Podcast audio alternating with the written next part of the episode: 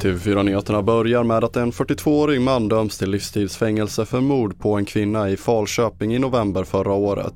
När kvinnan anmälts som försvunnen greps den nu dömde mannen som misstänkt för människorov och efter två dagar hittades kvinnan död i en lägenhet och mannen blev misstänkt för mord. Mannen har tidigare fått rättspsykiatrisk vård för andra brott men nu gör rätten bedömningen att han spelat psykiskt sjuk för att slippa fängelse.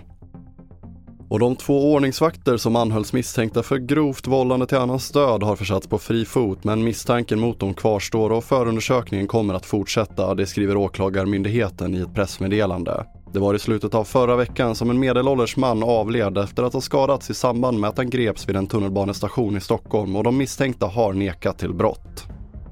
Och vi avslutar med bensinpriset som nu är under 20 kronor för första gången på fem månader. En sänkning med 95 öre av 95 oktanig bensin på bemannade stationer gör att priset landar på 19 kronor och 98 öre. Och även priset för diesel sänks nu med 85 öre och en liter kostar 23 kronor och 76 öre. Ja, men det, är, det är ett direkt resultat av den eh, globala försvagningen i konjunkturen vi ser. Man ska komma ihåg att olja som sådan är inte den mest konjunkturella råvaran. Men eh, en försvagning i konjunkturen kommer ändå väldigt sannolikt påverka sånt som transporter exempelvis. Det sa råvaruanalytiker Christian Kopfer och mer om detta på tv4.se.